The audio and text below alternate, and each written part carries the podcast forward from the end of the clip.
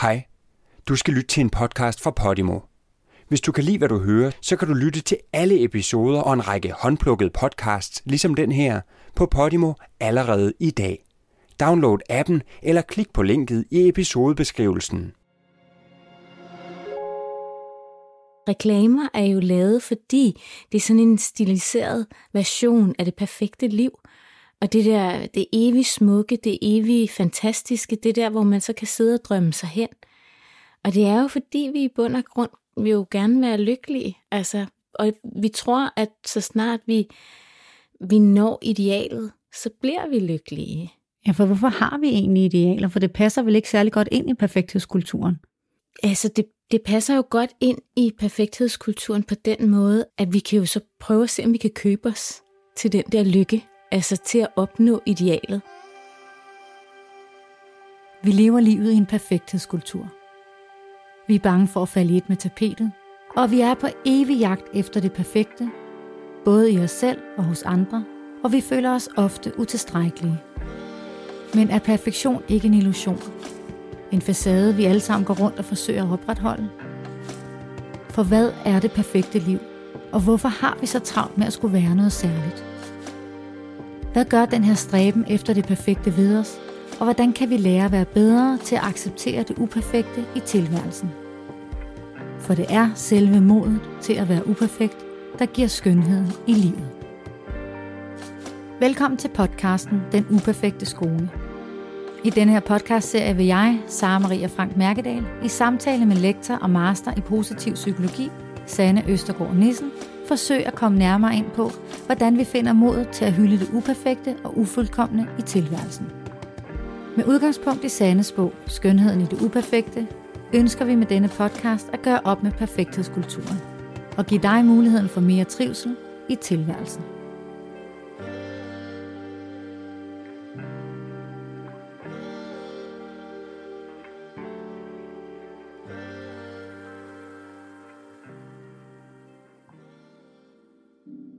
Kære måne.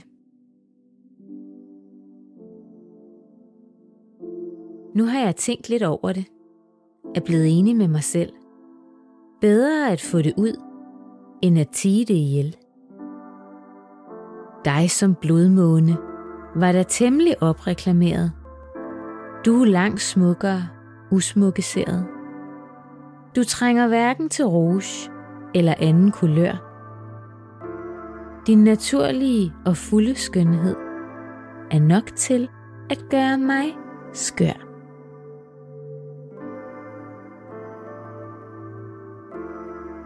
I dagens afsnit der skal vi tale om idealer. Men hvad er idealer i det hele taget? Og hvorfor stræber vi efter dem, når vi ved, at de i deres natur er uopnåelige? Hvordan når vi til et sted, hvor idealer er gavnlige, og ikke overskygger og forskruer vores forventninger til os selv og vores liv, men at vi i stedet lærer at acceptere tingens faktiske tilstand?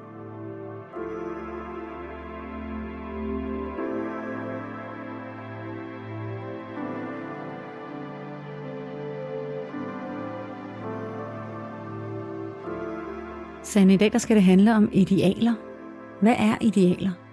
Jamen, idealer, det er jo det her efterstræbelige, man gerne vil, altså synes, man gerne vil opnå, men som på alle mulige måder også er enormt uopnåelig.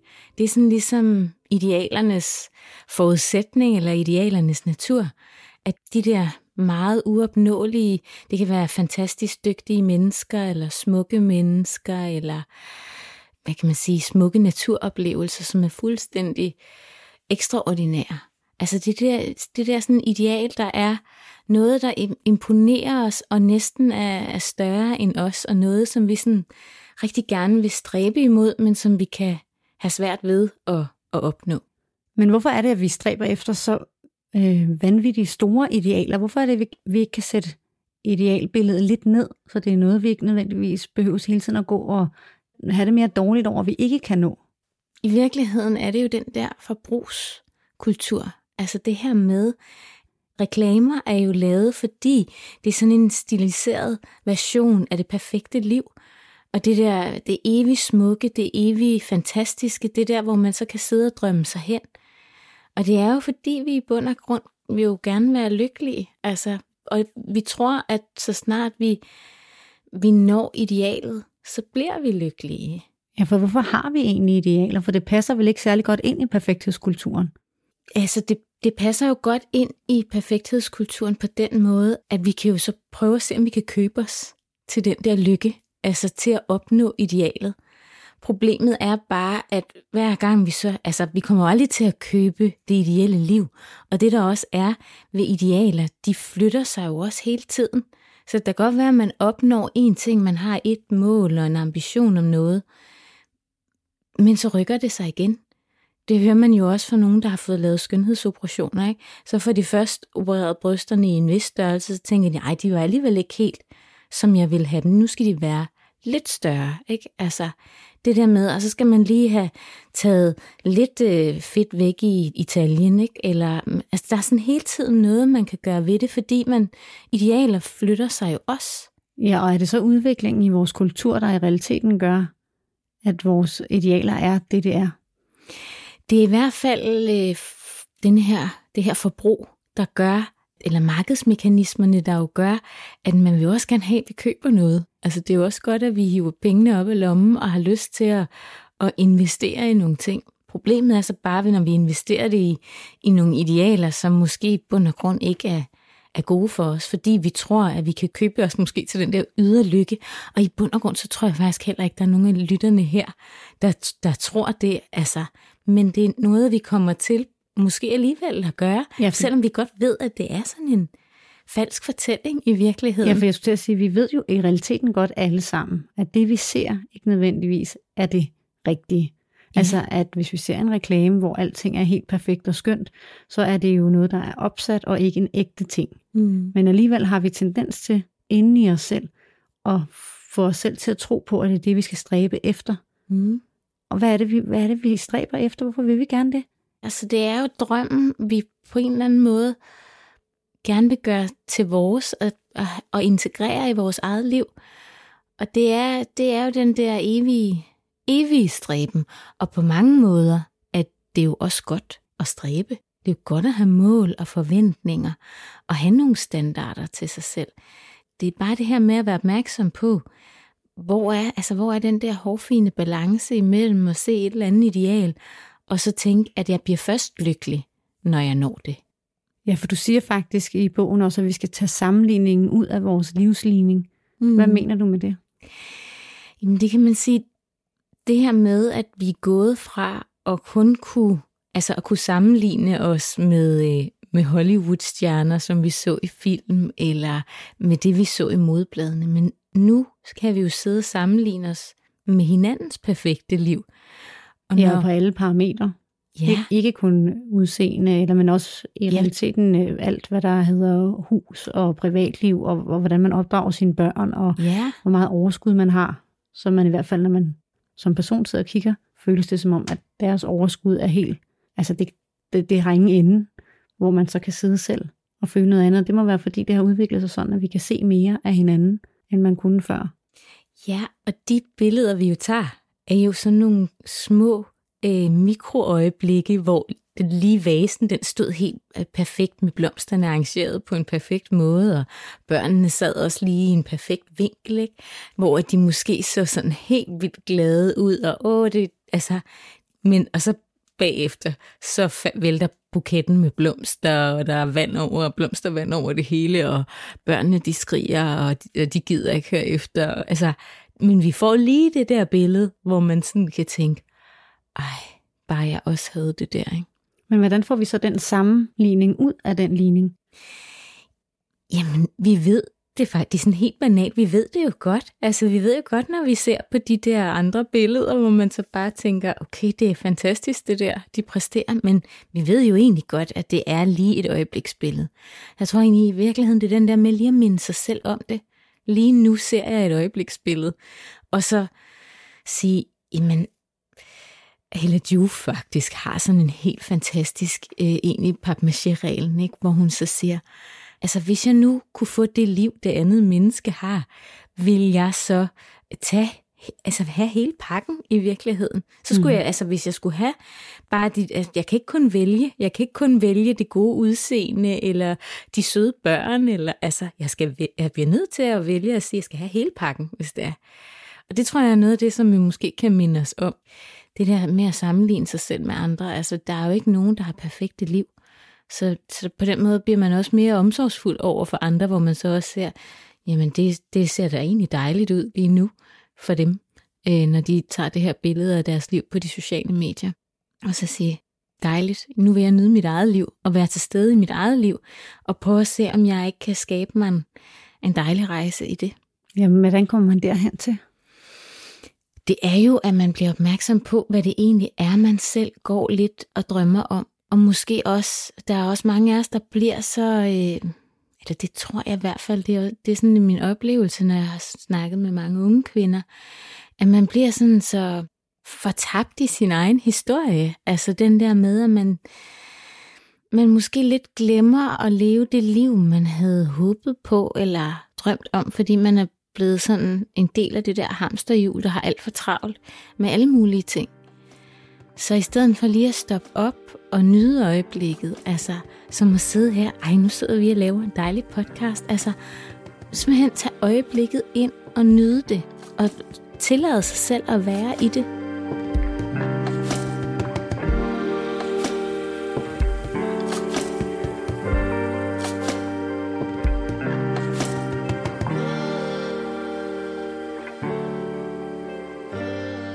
Men det er jo svært, hvis man har et ideal, hvor man synes, at det ser ud til at nyde det, og så når man ikke så tæt på det ideal som muligt, hvilket gør, at man på en eller anden måde ikke føler, at man kan nyde øjeblikket helt selv. Mm. Og der er jo rigtig mange nu, nu snakker vi om, øh, om ting, vi oplever, men der er jo også rigtig mange, der har idealer i forhold til skønhedsidealer, mm. kropsidealer, som jo måske i hvert fald i den unge kultur også er enormt ødelæggende for, øh, for blandt andet unge piger selvværd, selvtillid og, og i hele taget deres, øh, hvordan de fungerer. Fordi de har så, øh, så stor en bestræbelse på at opnå noget særligt ud fra et ideal, som de har sat sig. Hvorfor er det opstået, det her kæmpe problem hos de unge? Det har der været lavet rigtig mange undersøgelser omkring i forhold til både det her med, at den her kropsskam eller utilfredshed med ens egen krop, hvor der er flere og flere piger, der rent faktisk svarer i nogle af de her øh, undersøgelser, at de føler sig for tykke, selvom deres BMI faktisk er ganske normalt. Øhm, og det, som, som man også har set i mange af de her undersøgelser, det er jo, at sådan nogle meget urealistiske kropsidealer hænger også meget sammen med altså, spise forskellige typer af spiseforstyrrelser, anoreksi og bulimi.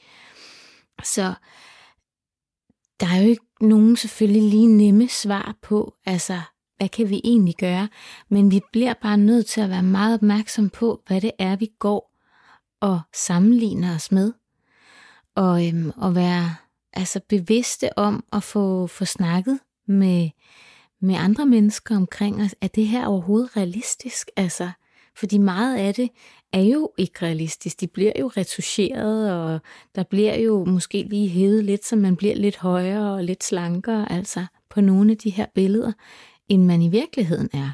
Ja, fordi hvordan når man dertil, hvor man egentlig sætter sit faktiske selv til at være accepteret, frem mm. for at det hele tiden er idealet, vi stræber efter? Det gør man først, når man bliver opmærksom på, hvad er det egentlig for nogle idealer, jeg sætter for mig selv?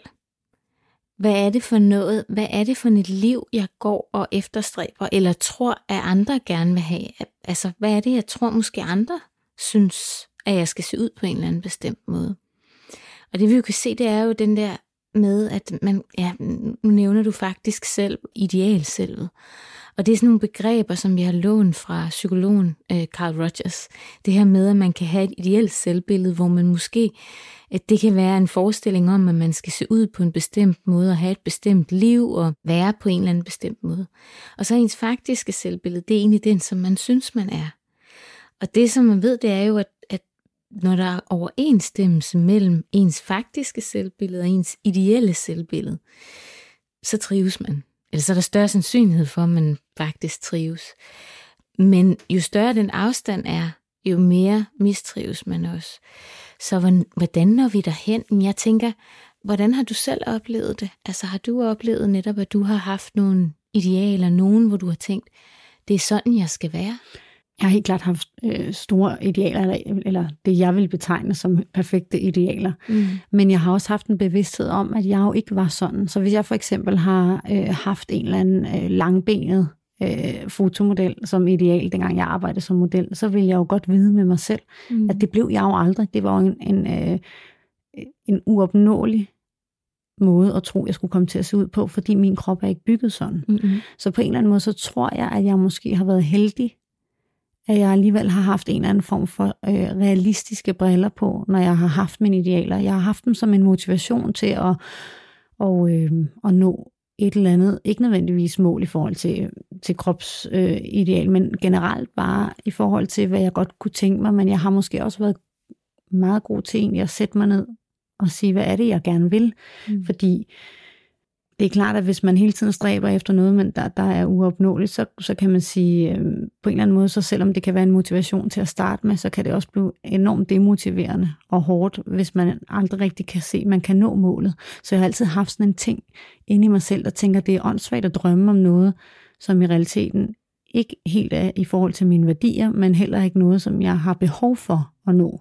Mm. Ikke? Og sådan hele tiden tænke sådan, at det er det, jeg virkelig har behov for. Fordi hvis jeg ikke har det behov, så er det jo helt åndssvagt at have det der ideal på min opslagstavle og gå og drømme om, at jeg skal derhen, fordi at det er jo egentlig i real, altså det er reelt set ikke noget, mm. som giver mig værdi, når jeg først er nået dertil. Mm.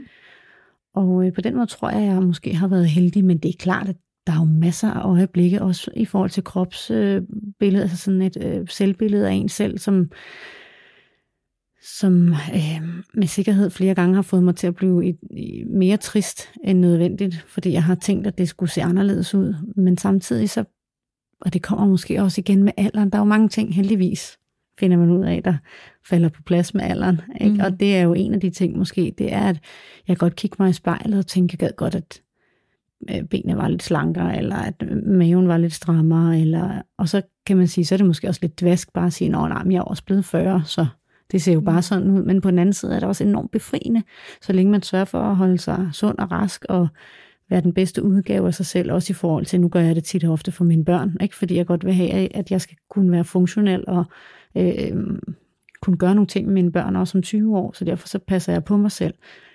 Men jeg gør det mere af den årsag nu, frem for øh, noget andet, og det kan jeg jo ikke sammenligne med nogen. Jeg kender ikke, hvis jeg har et ideal med en øh, flot kropsbygning, så aner jeg ikke, personens sundhed eller overskud eller mm. noget andet. Og det tror jeg, jeg prøver at være meget bevidst om. Mm. At de der øjebliksbilleder, som vi skoler igennem på de sociale medier, de er um, lige så meget, som mine billeder er på de sociale medier, bare et øjeblik af en hel dag, som kunne se helt anderledes ud, mm. hvis man mm. gravede ind i den. Ja, men det, det lyder også som om, du siger, at dit ideal er egentlig gået fra at have sådan en en fantastisk veltrænet, smuk krop til i virkeligheden at have denne her tanke om, at min krop skal være en sund krop.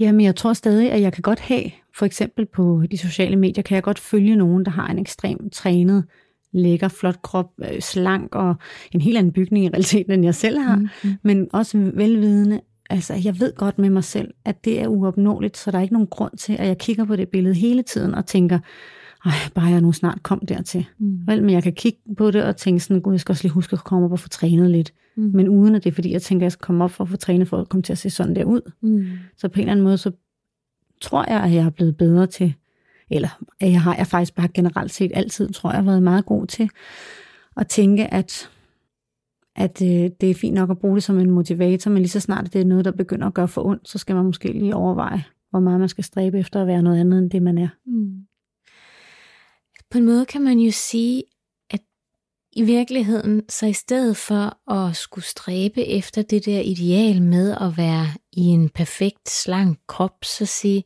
jeg vil egentlig bare være i en krop, hvor at jeg har omsorg over for mig selv, og jeg er glad for den person, jeg er.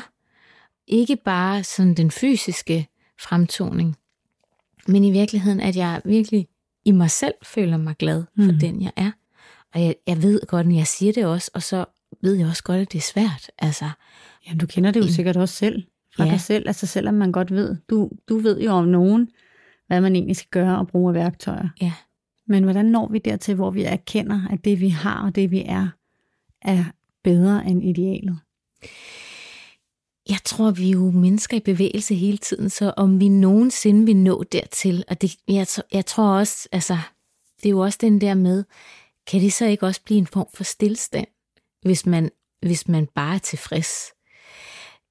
Det, det er godt nok at have nogle mål og nogle ambitioner, men det er det her med at alligevel at kunne være tilfreds med den, man er, selvom man siger, det kan da godt være, at jeg lige synes, at øh, jeg måske mangler at tabe 3 kilo, men alligevel at sige, men det er jo ikke fordi, at jeg ikke kan lide den, jeg er. Altså, det handler ikke om min vægt, det handler om alle mulige andre ting. Så det er nok den der med at kunne, kunne flytte det her idealfokus, øhm, og så i særdeleshed gøre sig opmærk, altså bevidst om, hvad er det for nogle idealer, man efterstræber af, og er det overhovedet realistisk at nå dertil.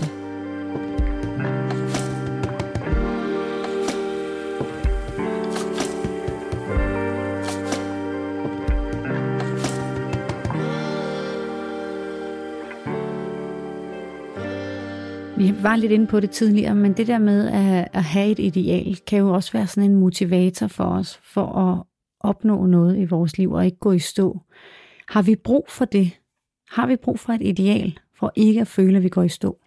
Vi har i hvert fald brug for nogle, på en eller anden måde nogle holdepunkter eller nogle pejlemærker, vi sådan lidt kan stile efter.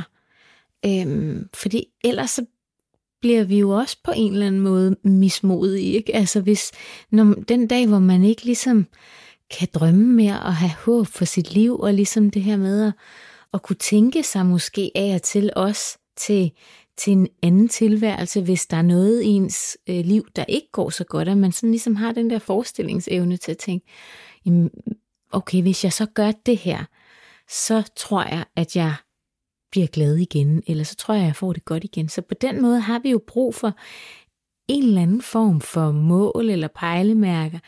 Og så kan man sige, det kan jo også være idealer. Altså, idealer kan jo også være, at man netop efterstræber at være som en person, hvor man tænker, jamen det her, det er en person, der hviler i sig selv, uanset hvordan personen ser ud, eller uanset om personen har øh, så og så mange penge eller så og så meget status, så er det det her, der er mit ideal. Det er egentlig at være denne her person, som virkelig hviler i sig selv.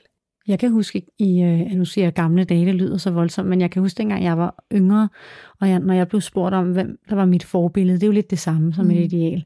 Der kan jeg huske, at jeg altid tænkte, at det var min mormor, fordi at hendes værdier var fantastiske. Hun talte aldrig dårligt om nogen. Yeah. Øh, og, og hvis hun havde noget at sige, så sagde hun det til personerne. Hun var altid øh, fuld af kærlighed og, og omsorg, og havde altid plads og rum til en. Ikke? Så jeg tænkte, at hvis jeg skulle være nogen som nogen, så skulle jeg være ligesom min mormor.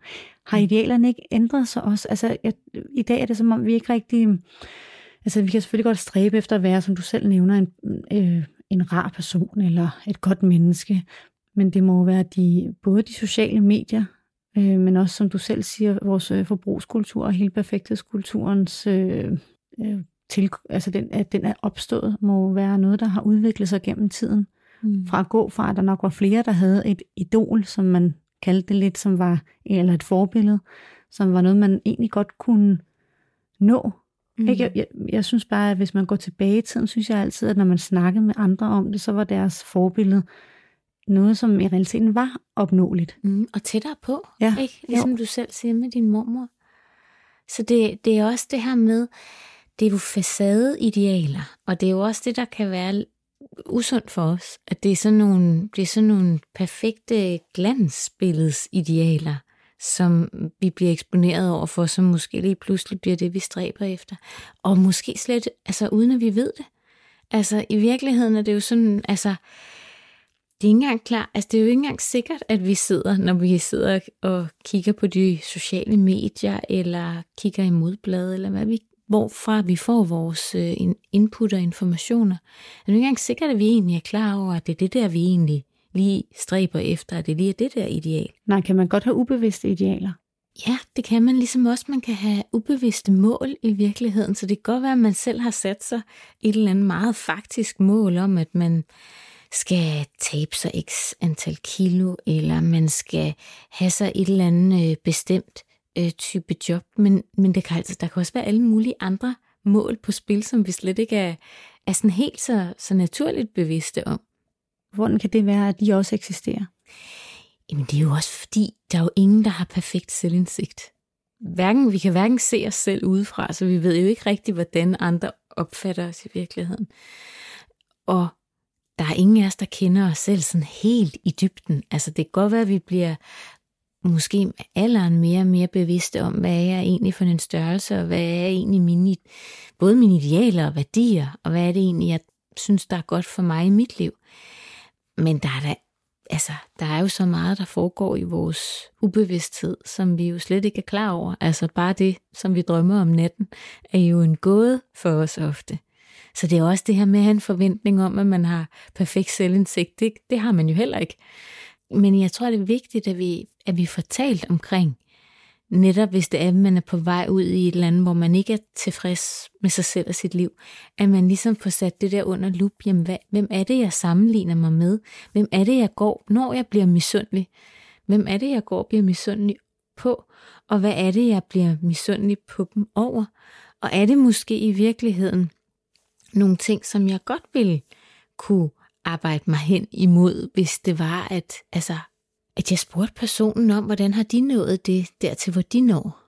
Det er jo noget helt andet selvfølgelig end en usunde kropsideal med en alt for tynd krop for eksempel. Mm. Altså der er det jo i hvert fald vigtigt, at man talt om, jamen det er måske en eller anden bestemt krop, man synes, man skal have, så man får gjort det tydeligt og får snakket med nogen om, hvad det er.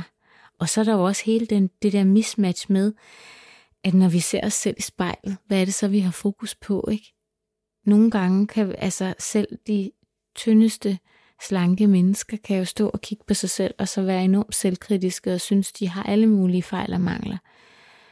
Men det er den der med at, at skulle være sin egen igen bedste ven og sige, men i virkeligheden så, så er vi smukke, som vi er. Men Sanne, det behøver jo ikke kun at være kropsideal. Det kan jo også være for eksempel i boligmagasiner. Jeg kan godt have det sådan, at hvis jeg kigger i et boligmagasin, så er jeg jo egentlig bevidst om, at øhm, den boligreportage, det har taget lang tid at lave. Mm. Der er en masse elementer, der er sammensat, som ikke nødvendigvis var et rigtigt, altså sådan som hjemmet så ud, men noget, som der er blevet stylet. Og der er også blevet retuscheret, det er blevet lavet rigtig fint. Og på en eller anden måde, så har jeg egentlig ikke nogen ambition om, at mit hjem skal se sådan der ud. Men jeg kan alligevel mærke en eller anden uro hjemme hos mig selv, hvis tingene alligevel ikke rigtig er øh, lidt af det, som jeg har set, men det er alligevel ikke noget, jeg som sådan stræber efter. Hvad er det så for en uro, jeg mærker indeni, når jeg kan sidde derhjemme og blive en lille smule sådan irriteret eller restløs over, at tingene ikke er, som jeg gerne vil have det, men jeg ved faktisk ikke, hvorfra jeg får det. Men det er jo også det der med, det er jo ikke altid, det lige stammer fra idealerne. Altså det er jo også det der, den der uro kan jo godt komme af noget helt andet. Altså hvad er det for en grundlæggende uro? Og så tror jeg, det faktisk er vigtigt, at man lige finder ud af, hvad er det egentlig det her, det handler om? Handler det om, om jeg skal have den perfekte bolig, eller det perfekte udseende, eller den perfekte kæreste, eller det perfekte job? Altså hvad er det egentlig, der foregår? Hvad er det i virkeligheden, jeg savner?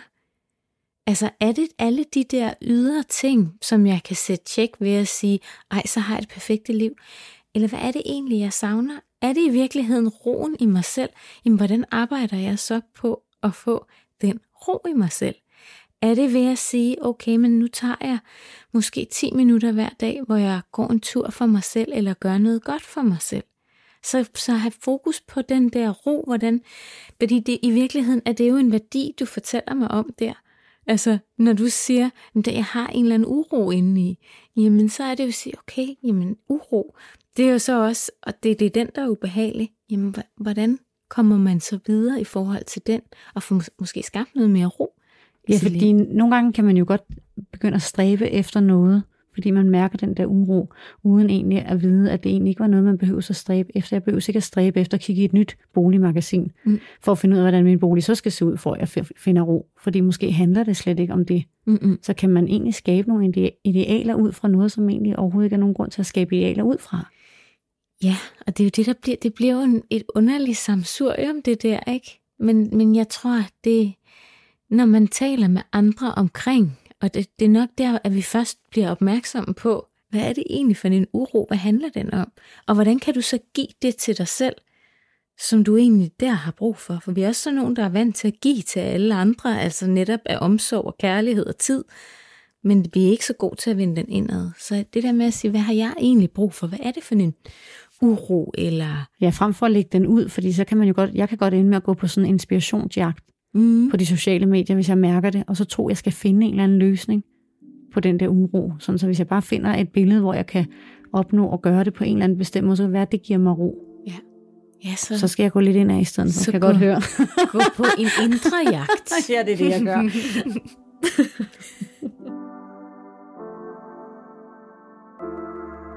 Patter rimer på latter. Indimellem skal man bare sige sku og fanden, ryste lidt med røven og slå sig lidt på panden. Sige fuck og pik og patter og bryde ud i latter. Give livet lidt krydderi. Gør det, man bedst kan lide. Se lidt stort på takt og pli indimellem.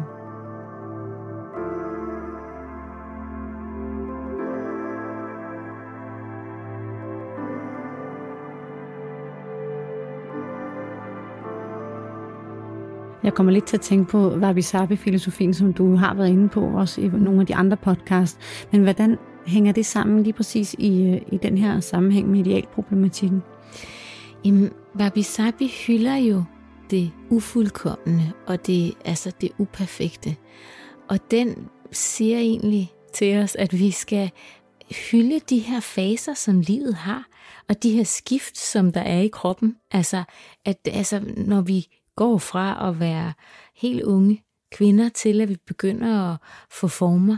Jeg tror, det er en komponent i noget af denne her, med at man er, øh, føler sig for tyk. Det er jo også, men der sker jo også nogle ting med kroppen, når vi ligesom udvikler os, ikke? Så får vi hofter, og vi får lidt, vi får bryster, og altså, og det, det hele livet igennem forandrer kroppen sig jo.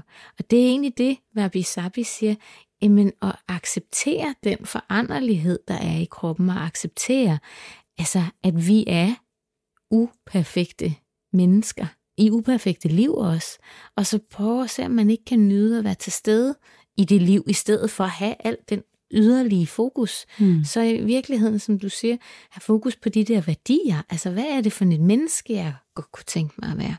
Vi kan jo godt stadig have de idealer, som vi nu har, men hvis vi ved, at vi er i balance med det, som vi ligesom selv kan mærke, vi har lyst til at bruge for, bliver vi så også bedre til at lade, være, lade idealerne bare være inspiration, frem for at være noget, vi skal stræbe efter at opnå.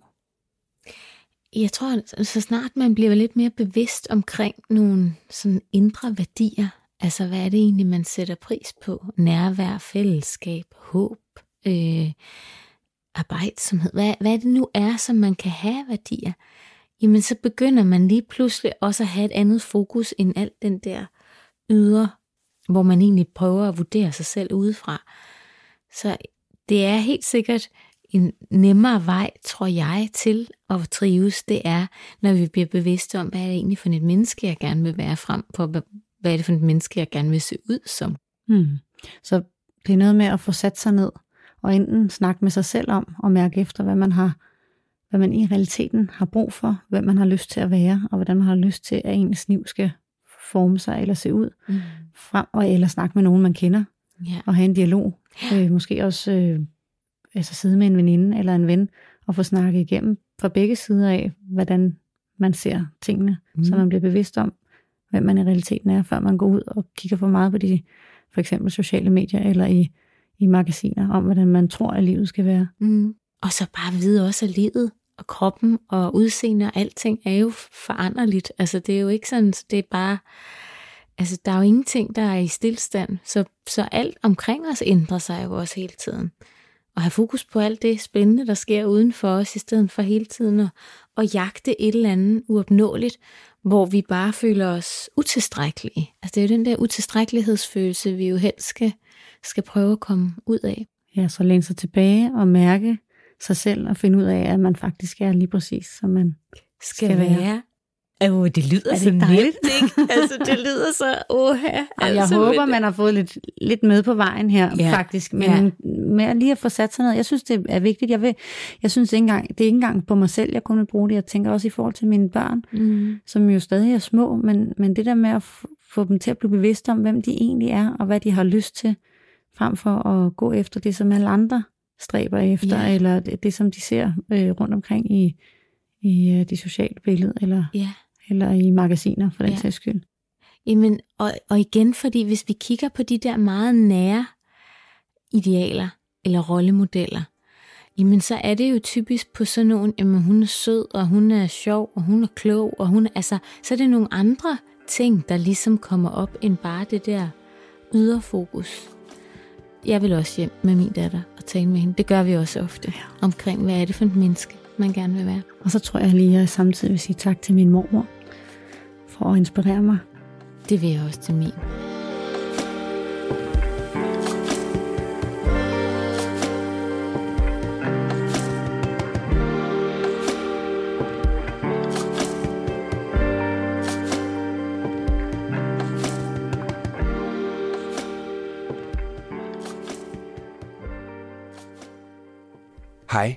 Du har lyttet til en podcast fra Podimo. Hvis du kan lide, hvad du hørte, så kan du lytte til alle episoder og en række håndplukkede podcasts, ligesom den her, på Podimo allerede i dag. Download appen eller klik på linket i episodebeskrivelsen.